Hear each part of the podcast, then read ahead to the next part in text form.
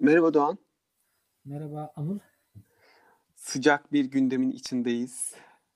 Üçüncü. Dünya Savaşı mı başlıyor? Neler oluyor? Neden oluyor? Bunları konuşacağız.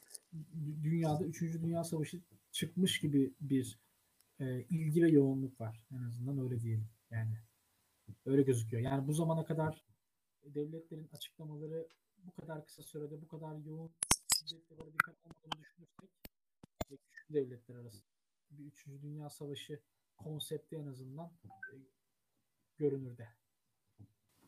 Ekonomik Aslında olarak.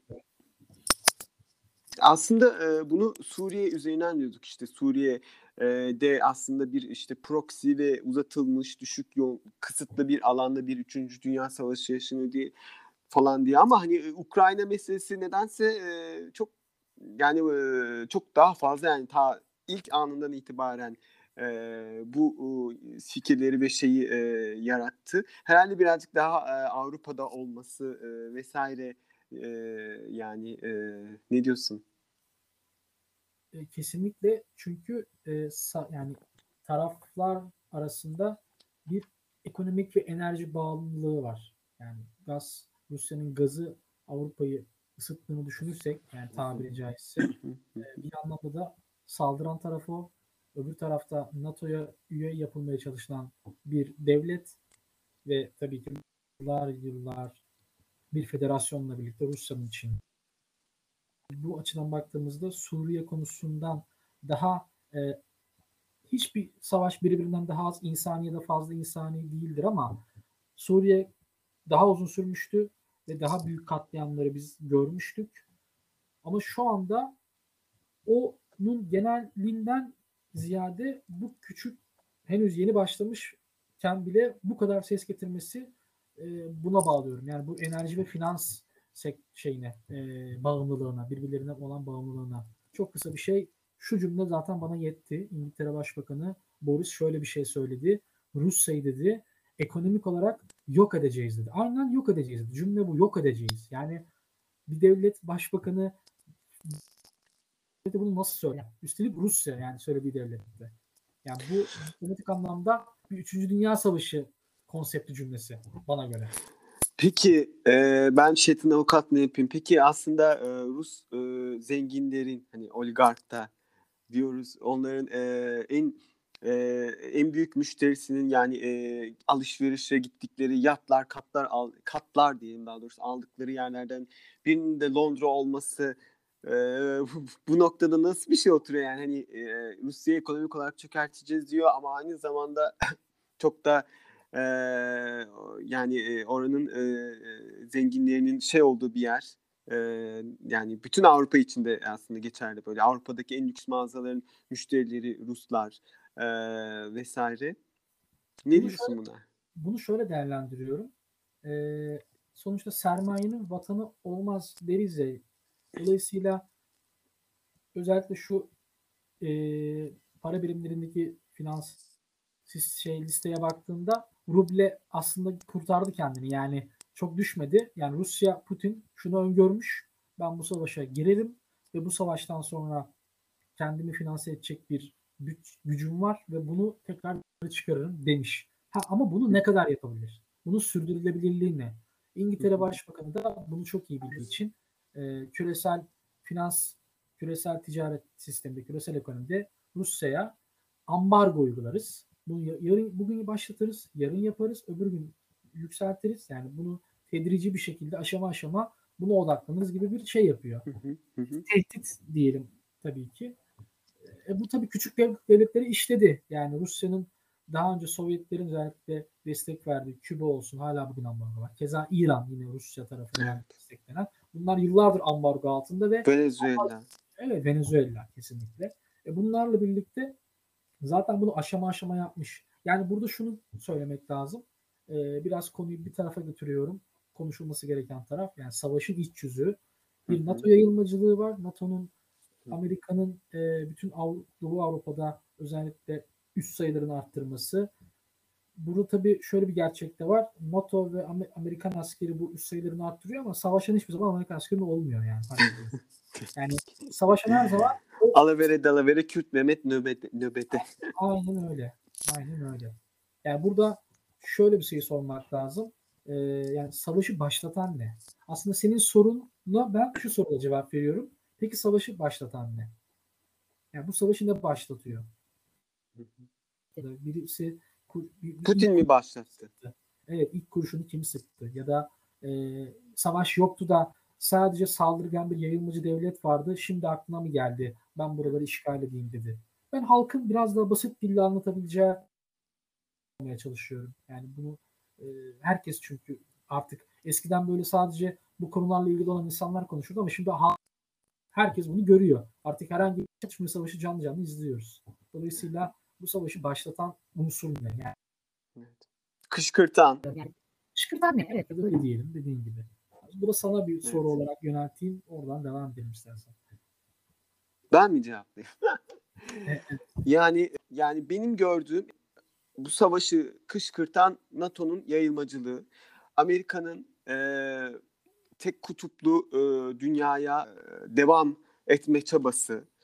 E, tabii bu NATO'nun NATO'nun yayılmacılığının motivasyonları da çok aslında ilginç yani. E, mesela e, bir Twitter e, Twitter odasında konuşuldu. Ee, yani e, NATO aslında Rusya'ya karşı, Sovyetlere karşı daha doğrusu kurulmuş bir şey ve mantıken hani Sovyetler çöktükten sonra kendilerini de çözmesi gerekiyor. Değil mi? Ama NATO çözmedi. NATO e, Amerikan tek kutuplu e, şeyin güç e, tek kutuplu e, dünyanın kurulmasının ve Amerikan jandarmalığının devam edebilmesi için devam etti ve tabii ki bu devam ederken motivasyonlara, yeni hedeflere, ihtiyacı vardı. Yeni çünkü yeni hedefler demek e, yani yeni hedef bir kere hedefin kendisi bir şey. E, ikinci olarak bu yeni hedefler ne demek? Daha fazla silah demek, daha fazla silah ihracatı, daha fazla silah üretimi, silah, silah satışı işte e, ülkelere. Bu, bunun e, hepsine baktığımız zaman burada bir emperyalist bir konsept ve bunun etraf bunun çeşitli işte ekonomik işte siyasi güvenlik anlamında bir şeyini görüyoruz etkilerini görüyoruz ve bugün Rusya'ya Rusya'yı Ukrayna'ya saldırtan da budur. Rusya'yı Ukrayna'ya saldırtan da budur. Yani Rusya gibi büyük bir askeri gücü sen çevrelemeye çalışırsan yani yani bu bu bu bu bu böyle olur yani kimse kimse aksine müsaade etmez. Yani Amerika'nın dibine Küba'ya e, Sovyetler füze gönderdi. E, Amerika dünyaya kaldırdı. Küba yani e, Sovyetler çekti ama Sovyetler öyle bir şey yaptı. Sovyetler sonra onu e, çekti. Şimdi ama e, biz e, bu NATO yayılmacının dur, dur, durak bilmiyor yani. Hani, e, önce daha fazla doğuya gitmeyecek e, dendi. E, ilk so, e, Sovyetler çözüldükten sonra e, işte eski yani eski Sovyet bloğu ülkelerine dahil olmayacak dendi. Daha sırasıyla hepsi dahil oldu. Polonya'sı, Macaristan'ı, Romanya'sı, Baltık ülkeleri.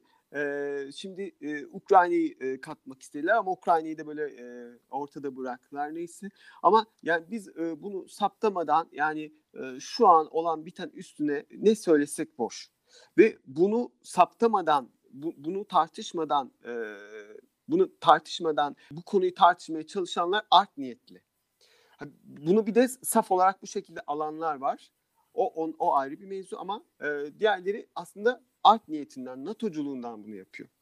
Ve burada da e, NATO'nun daha da ne olduğuna girersek özellikle Türkiye şeyinde tabii ki e, orada da çok söylenecek şey var ama istersen birazcık daha bu şey üzerinden devam edelim. E, bu savaşın e, sebepleri üzerinden ve gidişatına geçebiliriz belki biraz da. Tamam oradan devam ediyorum. Ee, burada dedin ya NATO aslında ideolojik olarak işlevini yitirdi. Yeni dünya düzenine kendini adapte ettirdi ya da yeni dünya düzenini yarattı.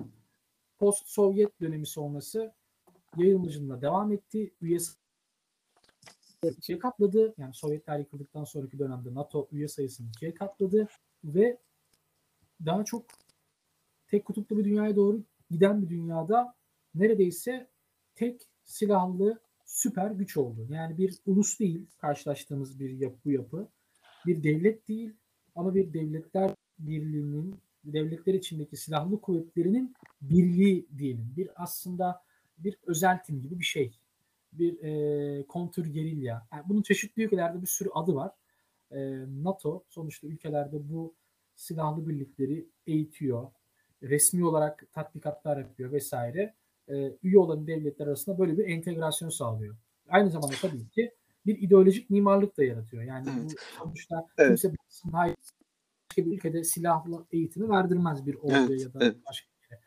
Ee, Yani güçlü devlet bir gücü olduğu için karşı devlete yaptırımı uygular. Bu da bir yaptırım aslında yani. NATO'ya üye olma zorunluluğu bir güvenliktir. Dış politikada yani uluslararası ilişkilerde sonuçta bir anarşi olduğunu düşünürsek, bir uluslararası hukuk olmadığını düşünürsek ama uluslararası hukuka yönlendirenin de bir güçler dengesi olduğunu düşünürsek NATO da bu anlamda e, uluslararası hukukun Birleşmiş Milletler olduğunu göz önünde bulundurursak yani en bilineni aslında ve uluslararası anlaşmalarla, bağlayıcılıklarla bu uluslararası hukuk oluşuyor.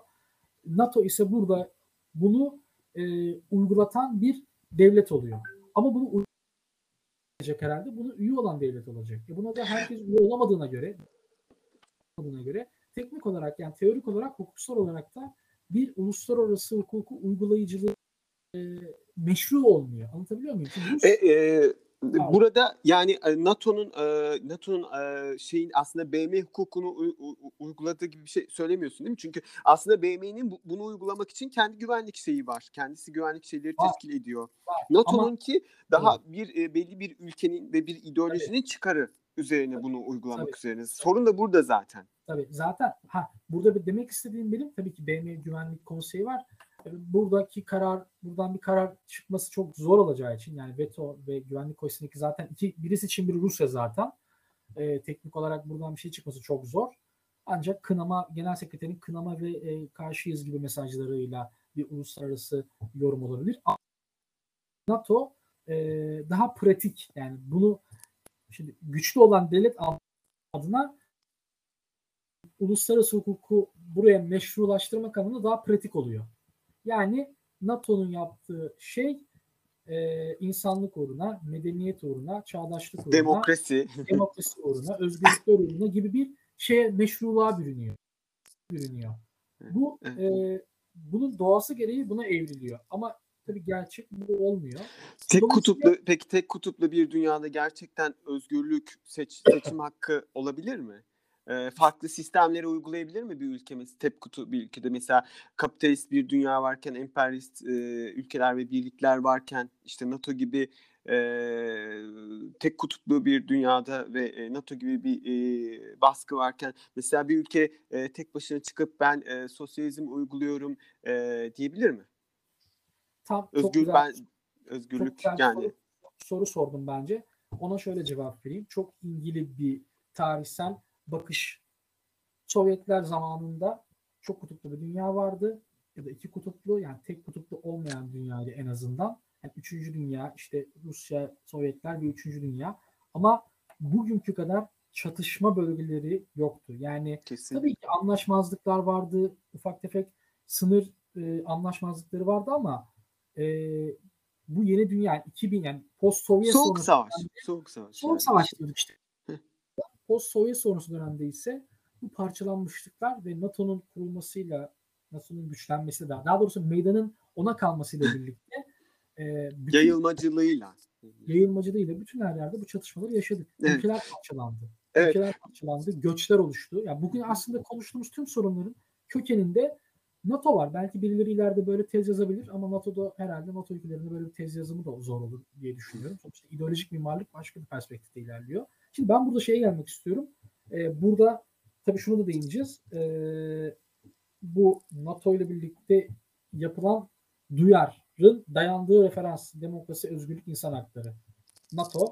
Karşıda ise Putin işte oligarklıkların bir timsali, tek adam, diktatör, e, otoriter bir devlet vesaire vesaire. Şimdi burada Rusya'da Despot.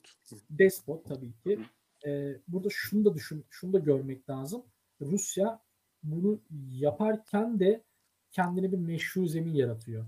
Şimdi az önce şimdi e, bir bir eleştiri geliyor Türkiye soluna diyorlar ki işte NATO'ya e, işte Put- Putincisiniz, Putin'e karşı değilsiniz. Rusçusu, Rusçu. Rus. Ama bunu, bunu hangi referansla söylüyor? İşte Sovyet Putin Sovyetleri diriltmek istiyor. Aslında bunu söylerken bile NATO'nun yarattığı ideolojik mimarlık zeminine oturuyor kastettiği şey. Putin, Putin çünkü şunu yapıyor. Bu, bu yanlış bir şey değil. Bunu her devlet kendi bünyesinde yapabilir. Putin şunu yapıyor. Putin tabii ki komünizmi getirmekle ilgilenmiyor. Böyle bir niyeti yok. Ama onun karizmasından, Sovyetler dönemindeki karizmadan. Kesinlikle, kesinlikle. Sonuçta bir devlet lideri yani kendi iç uzun yıllar bir Sovyetler Birliği olmuş ve Rus Çarlığından daha güçlü bir e, güce erişmiş bir devleti niye es geçsin?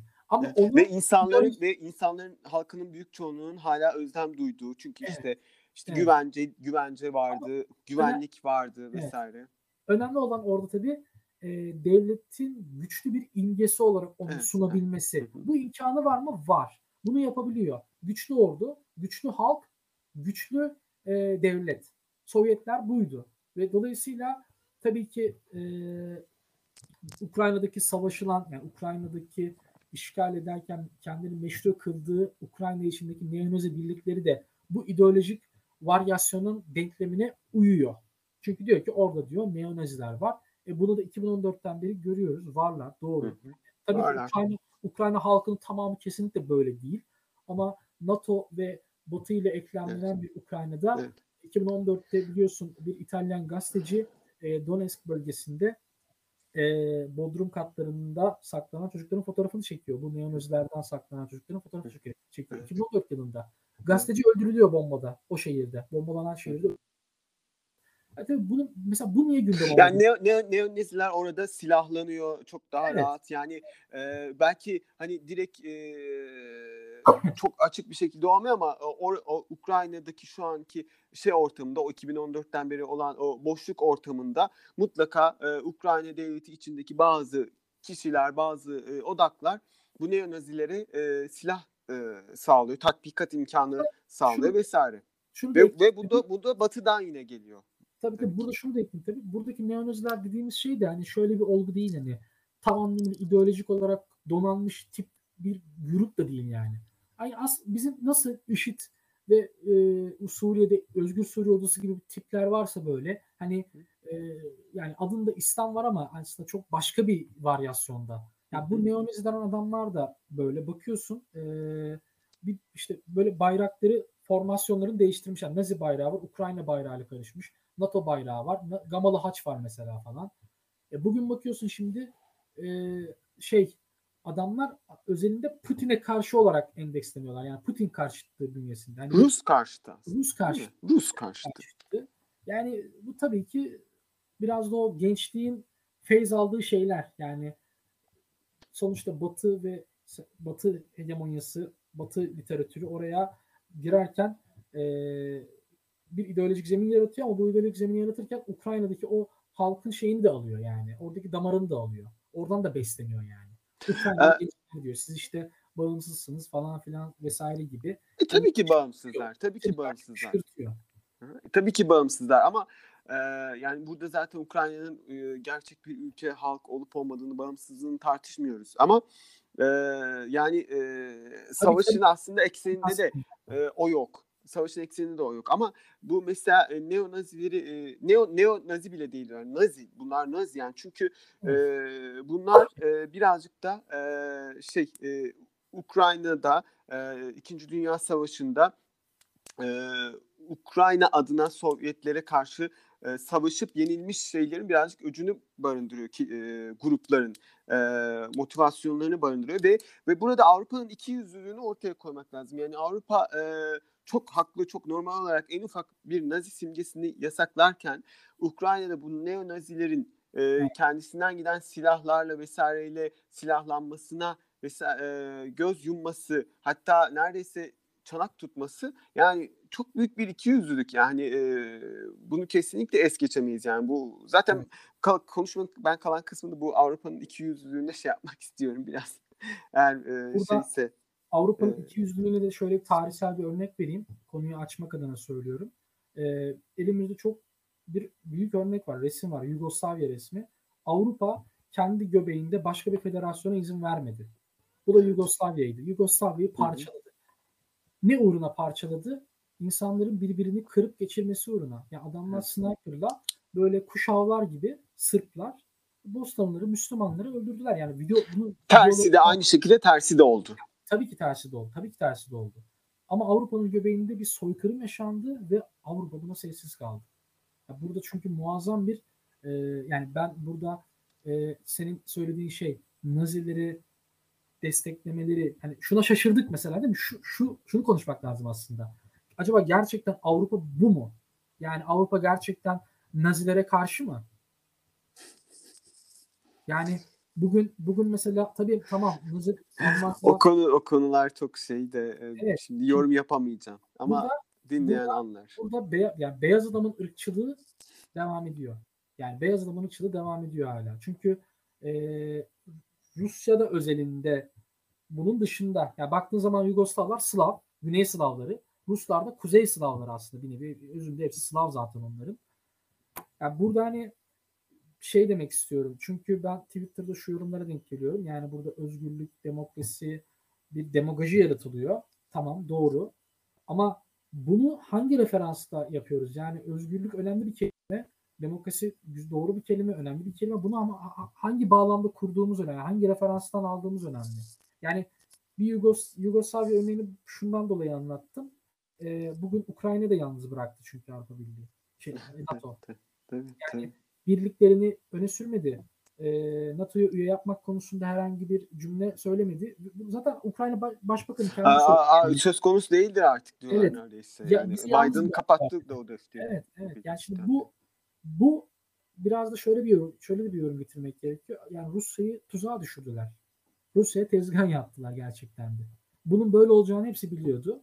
Ama Rusya'yı bu alana çektiler ve e, belki de yani biraz böyle komplovari bir konuşma olacak ama hani bilmediğimiz başka bir hesaplaşma var. Bir finans savaşı vesaire. Çünkü Ya da bir NATO'nun- Pirus zafer, zaferi olacak bu Rusya için ve sonrasında e, düşüş e, özellikle ekonomik anlamda yaşayacak. Ama onu da pek bilemiyorum. Avrupa tarihinin en büyük doğalgaz alımını yaptı. Dün sabah galiba Rusya'dan.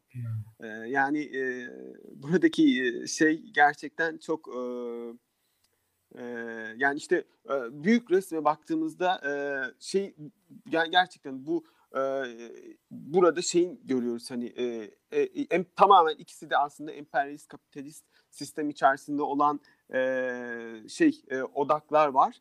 E, Evet. ama yalnızca bir, biri yani e, Amerika ve NATO daha yayılmacı, daha saldırgan, e, tek te- tek taraflı yani e, kendisinin sisteminde olmayan herkese ambargo, baskı uygulayan bir e, bir noktada Rusya e, kuşatılmaya çalışılan e, başka bir emperyalist kapitalist e, güç. E, ama aralarındaki e, aslında bağlantılar o kadar sıkı ki mesela şimdi işte bu Swift meselesi şey yüzünden kapatmıyorlar. Çünkü bankalar, e, Avrupalı bankalar, Rusya, Rus bankalar arasında çok büyük bir e, bağlantı var. E, Tabii. dolayısıyla hani burada aslında birazcık da büyük resim hakkında şey ortaya çıkıyor. Yani burada gerçekten sosyalist bir odağın eksikliği yani hem ne bileyim bir ülke olarak hem ülkelerde sosyalist e, hareketler olarak bunun eksikliğinin e, bunun eksikliği sebebiyle e, biz bugün e, birazcık bazı tartışma yapıyoruz. Ya işte e, şeyde e, Putin de işte iyi değil ama e, şeyine geliyoruz. Yani hani işte NATO'yu NATO'yu gösteriyorsun. Ya ama Putin de iyi değil. Şöyle e, böyle geliyorsun yani e, ama e, işin içine e, daha bir sosyalist de, e, denklem girerse yani e, kapitalizm gibi e, kardan ve kandan beslenmeyen e, bir e, seçenek e, girerse o zaman yani bu savaşlardan nemalanmayacak. Bu, bu, bu savaşlarda nemalanmayacak bir e, düzen e, girerse e, daha farklı olacak ve tartışma e, herkes için çok daha netleşecek diye düşünüyorum. Çünkü çok kafası karışık insan var yani işte I stand with Ukraine diyor e, ama sorsan hani e, Amer- Amerika'ya da sempatik değil falan e, bu, insanların boşlukta olmasının sebebi aslında sosyalist bir odak e, ve, ve e, güç ve seçenek eksikliği e, diye e, düşünüyorum. E, ben e, buradan e, şey de e, geçmek istiyorum. E, bu Ee, bir, birkaç anekdotla şey yapmak istiyorum aslında. Buyur. bugün yaşadığım e, bir şey benim bir e, Lübnanlı e, sınıf arkadaşım var. Bugün dersimiz vardı. Dersin arasında şimdi benim önümde oturuyor ve sürekli savaşı takip ediyor böyle haritalardan, Twitter'dan falan böyle anlık vesaire. Ee, işte ders arası verince ben nasılsın İbrahim dedim. İyiyim dedi. Ee, siz de, de- dedi niye boğazları kapatmıyorsunuz? Kapatabilirsiniz. Ee, ya e, sonra ben hani anlatmaya başladım. İşte Montre var. Hani e, işte Rusya e, işte geçirebilir. Çünkü Karadeniz'e kıyısı var vesaire. Hani e, savaş durumunda e, kapatabilir Türkiye. Ama e, yine de e, şey olan ülke e, geçirebilir. İşte e, gemilerini e, üste al, almak istiyor ki vesaire. Neyse E, o kısma çok girmeden de şey oldu E, ya işte e, ya e, yani böyle çok böyle e, yani işte ee, İki- İkinci Dünya Savaşı'nda işte e, Ruslar Berlin'e girdiğinde bir gecede 5 milyon kadına tecavüz edildi diyen bir e, arkadaş. Yani o derece Batı propagandasına ve şeyine maruz kalmış. Neyse e, şunu dedi yani e, ya işte bu e, ben NATO vesaire deyince e, yani işte dedim kimse Amerika'nın e, 10 bin kilometre ötedeki Amerika'nın boğazdan gelip geçen gemilerini sorgulamıyor falan. Ya ama işte bu işte şey değerler meselesi Türkiye Avrupa'ya ait vesaire. Ee, ondan sonra bunun NATO ile ilgisi yok. Ya dedim ne değerleri ya dedim. Yani hani e, değerler burada tamamen paravan yaptıkları bir şey. Bir kere Avrupa değerleri dediğin şey her neyse özgürlük, demokrasi, bilim vesaire. Bir kere bunlar hiç kimsenin ka- tek elinde değildir. Hiç kimsenin tek elinde değildir. Hem de hiçbir zaman için. Yani bugün için Avrupa'da insan hakları, demokrasi vesaire en azından kendi ülkelerinin içerisinde daha iyi olabilir ama bu bu on, e, bu e, onların tekili on- olduğu anlamına gelmez. Onların tekilinde dediğin andan itibaren adamlar kendilerini onu ihraç etme hakkı görüyorlar ve onu ihraç ettiklerini yaptıklarını görüyoruz. İşte Afganistan'a, e, Irak'a görüyoruz. Demokrasi ihraç e, nasıl ihraç ettiklerini görüyoruz. E, yani e, bu, burada değerler aslında tamamen paravan yapılan bir şey. Kaldı ki NATO, Amerika, Batı e, en cani diktatörlerle vesaireyle yıllarca işbirliği yaptı. Amerika e, e, pardon Portekiz daha e, diktatörlükken NATO üyesi oldu 1949'da. Yani e, Amerika NATO kend, ekonomik olarak e, stratejik olarak kendisine e, uyduğu sürece hiçbir sorunu olmaz antidemokratik rejimlerle. Hatta kendisine uyumlu olmayan hatta kendisine uyumlu olmayan demokratik rejimleri darbelerle provokasyonlarla bizzat operasyonlarla indirir. Şili'sinde de gördük bunu. Türkiye'deki darbelerin arkasında da e, gördük biliyoruz.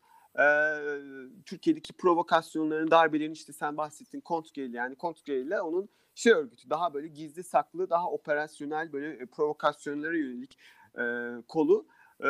Dolayısıyla ama bizim Türkiye'de de çok ilginç bir şekilde yani bu arkadaş Orta Doğu'dan bunu söylüyor yani çok ilginç bir vaka ama bakıyorsun NATO'dan bu kadar çekmiş bir ülkede darbeler yaşamış, demokrasisi NATO tarafından baltalanmış bir ülkede de Türkiye'de de hani hala bunu alan özellikle genç arkadaşlar var. Yani onların bilmediklerini birazcık varsayarak şimdi genç dediğim bizim yaşıtımız aslında. Ama e, yani e, bu inanılmaz bir akıl tutulması.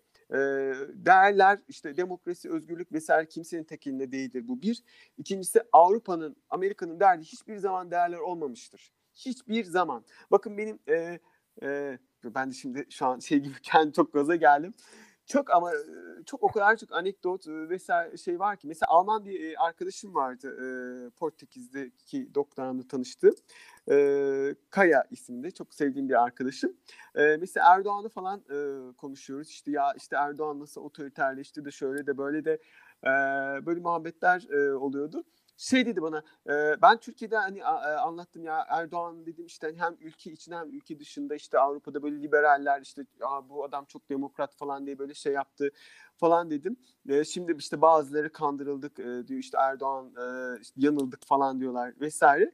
Bana dedi ki ya biliyor musun dedi aynısını Merkel için de söylüyorlar dedi. Mer, Mer, yani Merkel'i şöyle savunuyorlar dedi Almanya'da işte e, Erdoğan'a verdiği destek konusunda ya işte kandırıldı aldatıldı. Yani koskoca Alman devletini e, kandırmışlar. Yani böyle bir böyle bir şey yok. Biz biliyoruz ki emperyalistler kendi çıkarlarına olduğu için sonunda demokrasiye e, o kişi sadık kalır mı kalmaz mı vesaire bunu hiç e, önem önemsemez. Burada Önemsemeden destek verir. Yani çünkü o, e, yani biliyoruz işte e, hikayeyi biliyoruz. Türkiye işte Büyük Ortadoğu projesi işte Türkiye'nin Avrupa Birliği kapısında e, süründürülmesi, e, egemenliğinin e, vesairenin şey olup da karşılığında da hiçbir şey alamaması. Yani karşılığında bir vizesiz seyahat bile alamaması vesaire. Bu hikayeler. E, yani e, ama bu Avrupa'nın e, iki yüzlülüğünü, bu değerleri paravan olarak kullanışını yutmayalım yani. Gerçekten yutmayalım. Evet aslında tabii bu, bu da ayrı bir konu ama çok önemli. Bence çok güzel açıkladın. Yani biz şununla çok uğraşıyoruz. Yani dediğim gibi NATO ülke, üyesi bir ülkeyiz ve yıllar bütün kötü olayların, kanlı olayların, terör olayların arkasında kontrgerilla var. Bunu gazeteciler yazdı, aydınlar yazdı. Bunun, bunun yazanlar ölmek pahasına da yazdı ve öldürüldüler de. Şimdi bu gerçekler hiç yokmuşçasına ve dediğim gibi Amerika'nın NATO'nun bu yayılmacılığı hiç yokmuşçasına salt bir Putin nefreti bunları görmemizi engelliyor. Yani Putin nefreti gerçekten bariz olan bu real politik durumu görmeyi engelliyor. Bir ve bazıları da bunu tercih ediyor. Yani bu tercih eden e, biraz da sosyal medyada da çok meydanda olan hani biraz da tırnak işaretinde böyle e, bir tanım geldi artık fonlanan diye. Böyle de bir yapılanma var. Fon, fondan yararlanan bir e, gazeteci cemiyeti e, da gazetecilikle uğraşan insanlar diyeyim artık. E, buna değinmiyorlar. E, ta, belli ki zaten inseler fonlar kesilecek. Bir şey yazamayacaklar. O yazacakları konumda olmayacaklar. Şimdi böyle de bir gerçek var. Ya da tam tersi yani zaten e, bu kişiler NATO'yla e, vesaire derdi olmayan ger e, halkının gerçekten iyiliğiyle derdi olmayan insanlar ve en başından zaten hani e, fonlanmaları zaten bunun üzerinden belki de. Tabii, yani tavuk mu yumurtadan yumurta mı tavuktan diye şey yapıyoruz. Biraz o, biraz öyle yani iki o, türlü. O, o, o yaratılan işte e, bizim şu anda içinde bulunduğumuz kültür ortamı tam olarak böyle bir ortam. Yani nasıl bir ortam? E, Rusya saldırdı Evet. Rusya, Rusya, Rusya evet saldırdı ama NATO yayıldı yok. Amerika kışkırtlı yok. yok. Evet yani bize bunu da ver. Yani karşılaştırmalı evet, bir evet. anlayışla bakalım. Toplumumuz, halkımız böyle baksın. Ya çünkü insani bir bakış deyince ben çok fazla bir şey anlamıyorum artık. Yani insani evet. bakış ne demek? Evet. İnsani o, o, o da çok kaypak bir terim yani. Evet. Yani bu çok kolaya kaçmak gibi oluyor. Bu kolaya kaçmaktan kurtarmak lazım. Dolayısıyla bu senin en başta söylediğin gibi işte daha kapitalizmin yarattığı değerlerden çıkıp daha insani, şimdi insani derken bağlamını kurdum. Kapitalist olmayan bir e, değerden bahsederek bir insaniyet kuruyorum. Bu değerlerden bakarak savaşa hayır demek daha doğru bir yere geliyor. Yani NATO'ya hayır demeden savaşa hayır diyemeyiz. Yani savaşa hayır demenin yolu NATO'ya hayır demekten geçiyor. Bunu en çok Türkiye'deki insanlar aslında demeli. Türk Türk yani Türk Kürt Türkiye'deki tüm en çok biz bunun ceremesini çektik. Ha, demek ki anlatamamışız. Demek ki hala büyük bir baskı var. Bunlar ayrı bir konu. Ama şu an bile ben bakıyorum Amerika'nın gündeminde, Amerikan kamuoyunda şunları diyorlar. Ukrayna politikamız Rusya gelip Meksika'ya füze yerleştirse tıpkı daha önce SSCB'nin Küba'da yaptığı gibi nasıl hissederdi şeklinde argümanlar dolaşıyor. Ya bizde sen böyle bir şey yazıyorsun seni Putinci olarak yaftalıyor adam. Evet. Avrasyacı diyor işte. Dubizci. Benim favorim Rusçu. Yani bu herhalde e, yani bilemiyorum artık. Zor, komik geliyor. Ben çok uğraşmıyorum. Yani yorum ben bir de bir bunlara yorum yapmıyorum artık. Gereksiz çünkü laf anlatmaya gerek yok. Ee, yani oturup artık NATO'nun kitaplar yazmış insanlar. Kitap kitabı yazan insanlar bile artık ölmüş. Yani hani biz 10 yıllık örgütten bahsetmiyoruz ki. Türkiye'nin 60 yılına hükmetmiş. Bak hükmetmiş diyorum. Çünkü politikalarına yön veriyor. Kesinlikle. Ya, yani daha olsun. Politikalarına da yani e, o askeri o jandarmacı e, jandarma e, misyonuyla e, şey yapıyor. Hani demokratik bir şey. Hani mesela şimdi diyorlar işte ya Ukrayna seçme hakkına sahip şöyle böyle ya Ukrayna seçme hakkına sahip de yani Ukrayna'nın biz şeyi seçmesini kasmıyoruz. Mesela e, bugün e, yine bu Twitter'daki odada güzel e, bir şey ifade ediyor. Yani e, yani Rusya şey olunca yani işte böyle e, ne diyelim e, ekonomik işte değer işte Avrupa e, dünyasına böyle girmek falan hani Rusya e, bunlar söz konusu olunca e, bu etrafındaki ülkeler için o kadar şey yapmıyor yani hani tutup da e, celallenmiyor. Ama iş e, güvenlik onu sarmalamak işte onun etrafını süze yerleştirmek bu, bu noktaya gelince e, biraz şey yapıyor. E, daha e, sert tepkiler veriyor. Daha e, şey e, davranıyor. Farklı e, davranıyor. E, yani bu işte şey e, aslında bu bu mesele değerler şeyinin temelsizliği de yine e, biraz e, burada e, göze çarpıyor. E, mesele e, değerler meselesi değil yani mesele e, oradaki e, yani bir e, militer gücü e, şey e, çevrelemek e, ve hani buna da kim, kimse e, göz yummaz. Ama sen bunu hayır e, Ukrayna Avrupa değerlerini seçiyor e, diye yutturamazsın yani. E, hayır Ukrayna e, mayın eşiği olmayı e, seçiyor maalesef. Seçti ve sonunda da başına e, evet. bu geldi yani burada e, demokratik seçim falan yani e, oradan geldik. Yani demokratik yani şey şu şu demokratik seçim olur. E, Avrupa Birliği'ne üye olmak. Bakın mesela e, Avusturya çoğu kişi bilmez. Bakın e, Viyana hatta Avusturya'da aynı Almanya gibi aslında e, savaş sonrası e, şeydi bölünmüştü. Ama Sovyetler oradan çıktı. Nasıl çıktı? Anlaşma yaptı. Avusturya e, askeri olarak nötr kalacak dedi dedi e, ve oradan çıktı. Siz bugün Avusturya ile uğraştığını görüyor musunuz e, Rusya'nın? Çünkü Avusturya nötr kaldı. NATO üyesi olmadı. E, halkı da reddetti.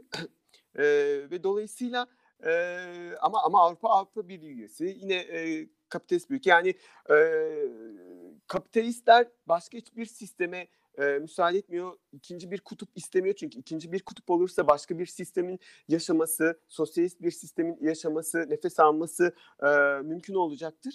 E, ama bir yandan da e, baş bir militer gücü bu kadar e, şey yapıyor büyük bir militer gücü, askeri gücü e, bu kadar e, çevreliyor ama saldırdığında yok Avrupa değerlerine saldırıyor oluyor. yani evet. e, bunu görmek lazım. Avrupa değerleri de e, erişilmesi gereken insani değerler mertebesine sokuluyor. Yani tabii ki, tabii ki. Yani e, bu da bir kastettikleri aslında... şeyler öyle şeyler ama onlar Avrupa değerleri demek bir kere en baştan yanlış zaten. O tekel, onu öyle tekelleştirmek en baştan tekel, yanlış. Tekel, kendi tekel ya bu da tabii ki, tabii ki. belli oranda o ari ırk şeyine falan da gidiyor. Yani bazı Tabii ki, tabii ki. Ee, sosyal darwinizme. Tabii, tabii. Yani sanırım çerçeveyi çizdik. Şu an evet. Son olarak ben bir e, şeyle kapatalım. Ben diyorum yeterli e, bu kadar. Hani bir e, öneri vereyim. Şolov'un Durgun Don, Durgun Akardı Don ya da iki tane aynı isim ama çeviri farklılıklarından dolayı adını değiştirmiş olabiliyorlar. Biri Durgun Don, biri Durgun Akarton. İkisi de aynı kitap. Şolov Don kazaklarını anlatıyor. Bugün e, çatışmanın, savaşın olduğu bölgedeki e, halkları anlatıyor aslında ve Birinci Dünya Savaşı zamanı savaş karşıtlığını, savaşa, savaşları nasıl çıktığını çok acı bir şekilde, trajik bir şekilde anlatan bir kitap. Dört cilt Yordam'dan e, baskısı var zannediyorum. Eski sosyal reklam da yapalım burada. Buradan alınabilir. Ee, orada ben ben yani iki cildini okumuştum. Hepsini henüz bitirememiştim yıllar önce. Aslında hani şöyle bir gerçek var. Ee, Rusya bir e, işgalci güç olarak görülüyor. Yani Rus edebiyatını okuyunca biraz da ne denmek istediğini anlayabiliyor insan. Yani en azından Şolov okuyunca orada olanın orada olana biraz daha böyle e, daha farklı bir gözlükle, daha gerçeğin gözlüğüyle bakma şansı edinebiliyoruz. Bu kadar manipülasyon olduğu bir dönemde özellikle. Teşekkür ederiz. e, bende de var ama e, başlayamadım hiç. e, bende de e, galiba ilk iki cildi var. E, bitirmeden ben şu an önümde benim e, çok denk geldi bir not var. E, bu e, Disruptive Democracy diye bir kitaptan e, aldığım bir not. Çok e, kısa, çok güncel bir kitap. Özellikle e, dijitalleşme ve e, teknoloji üzerinden e, demokrasinin, e, özgürlüklerin e, ne noktaya evrilebileceğini tartışan bir kitap ve bu kitabın başlangıcında da şöyle e, şu anki dünyayı ortaya koyarken e, şey şöyle bir benzetme yapıyor. Cihadizmle McDonaldizm. Yani bunların aslında anlatı olarak e, hegemonya olarak çok benzer şeyler olduğunu, araçlar olarak farklı da olsa e, yani cihadizmi biliyoruz. E, McDonald'izmi de yani McDonald'izmde nedir yani? McDonald'izmde NATO NATO üssüdür yani. Hani e, aslında daha askeri boyutta biraz da. E, bunu paylaşmak istedim. Güzel denk geldi şu an önündeki. Bir sonraki bir sonraki podcast için e, güzel bir konu olabilir bu. evet, evet. Kesinlikle. O zaman e, bakalım kapatalım. Biz e, bütün dünya için barış diliyoruz. Evet. E, ama e, yani e, yani ama derken burada bir herhangi bir savaşı e, haklı çıkarmak, onaylamak anlamında değil. Ama e, barışın e, ancak sömürüsüz e, çıkar çatışmaların olmadığı e, bir düzende, bir sistemde e, gerçekçi olabileceğini ve e, NATO'nun da e, bunun e, yani böyle bir e, çıkar çatışmasız anti-kapitalist bir düzenin e, e- en büyük e, en büyük engeli olduğunu e, koymamız gerekiyor. E, Evet. Emperyalist savaşlara hayır. Evet, evet. Ee, o zaman bir dahaki e, ne zaman yaparız bilmiyoruz ama bir dahaki e, podcast'i görüşmek dileğiyle diyelim.